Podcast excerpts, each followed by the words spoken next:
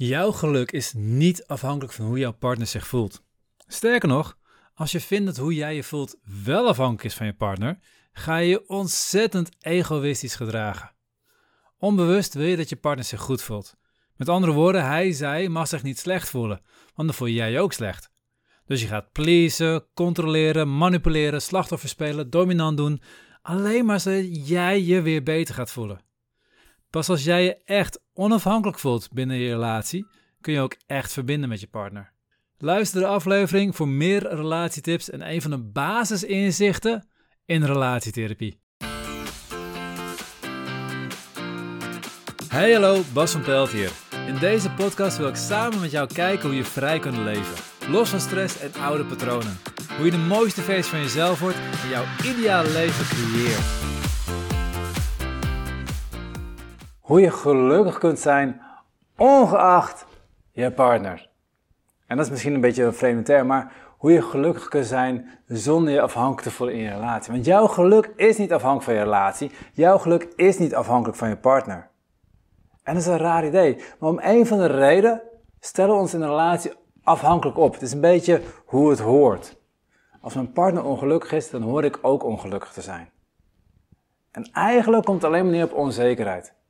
Want de hele reden dat wij ons afhankelijk opstellen, dat wij bezig zijn met hoe die ander zich voelt en daarop focussen, is omdat we zelf onzeker zijn. Omdat we zelf onveilig voelen. En het onveilig kan te maken met verlatingsangst, kan te maken met, met een oud verleden. Eigenlijk heeft het altijd te maken met een oud verleden, maar ergens zit er een gevoel dat wij niet goed genoeg zijn. Dat wij niet mogen zijn. Dat er iets gaat gebeuren wat ons een naar gevoel kan geven. En dat laatste punt, dat is het. We willen niet gekwetst worden. We willen geen pijn voelen. We willen geen verdriet voelen, geen angst voelen, geen boosheid voelen, geen wat dan ook. En dus gaan we onszelf afhankelijk maken van die ander. En gaan we gedrag vertonen waarbij we proberen om controle te hebben op hoe die ander zich voelt. Zodat ik vervolgens controle heb op hoe ik me voel. Als mijn gevoel afhankelijk is van die ander, dan moet ik die ander controleren om zelf gelukkig te kunnen zijn. En daar gaat het fout. Want dan ga je bijvoorbeeld jaloezie gebruiken om die ander te controleren. Je gaat een controlebehoefte erop zetten. Je gaat je misschien een slachtoffer voelen. En dan ga je als slachtoffer gedragen. Oh, wat ben ik zielig. En als ik maar zielig genoeg ben, dan past die ander wel zich aan me aan. Of je gaat juist heel erg pleasen. Je gaat al van tevoren ervoor zorgen dat die ander zich goed voelt. Al voordat die ander, weet ik veel wat voor gedachten kan hebben. Je gaat je volledig aanpassen op die ander. Als jij je afhankelijk voelt van die ander, dan moet die ander zich goed voelen. Als jij het gevoel hebt dat jouw emotie, op hoe jouw status, hoe jouw geluk is, afhankelijk is van hoe die ander zich voelt, dan moet die ander zich dus goed voelen. Het interessante daarvan is dat zelfs als jij lekker in je vel zit en je denkt die ander te steunen, dan ben je helemaal niet aan het steunen. Je bent helemaal niet bezig die ander te helpen. Je bent alleen maar ervoor zorgen dat die ander blij wordt, want dan kan jij je blij voelen. Alle steun die je aanbiedt, zolang jij je afhankelijk voelt, is alleen maar op gericht om te zorgen dat die ander zich zodanig voelt dat jij je lekker kunt voelen. Het is alleen maar voor jezelf. Het is egoïstisch. Vanuit een onbewust patroon, maar het is wel egoïstisch. Maar weet je wat het mooie is? Hoe jij je voelt is totaal niet afhankelijk van hoe de ander zich voelt. Het heeft niks met elkaar te maken.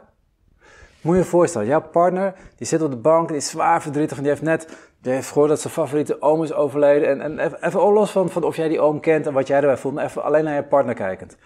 Die is daar helemaal kapot van, die, die, die zit down en tegelijkertijd belt je beste vriendje op. En je beste vriend vertelt je net, ja, ik ben geslaagd van mijn rijbewijs, uh, mijn dochter is geboren, uh, ik heb net een nieuwe auto, weet ik veel wat. Die is super blij. Op dat moment, kan jij dan blij zijn voor je beste vriend? Kan je dan meevoelen in zijn geluk? Natuurlijk kan je dat. Met andere woorden, ondanks dat je partner echt helemaal kloten voelt, kun jij toch gelukkig voelen.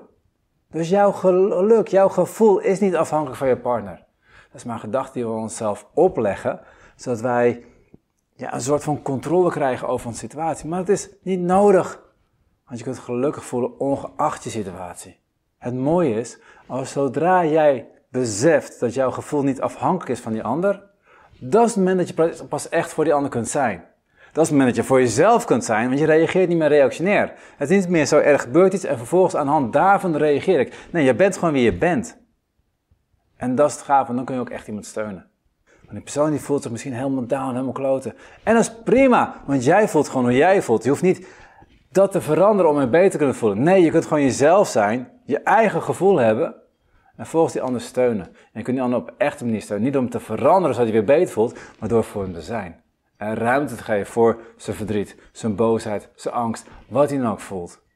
En dan kan je hem helpen veranderen.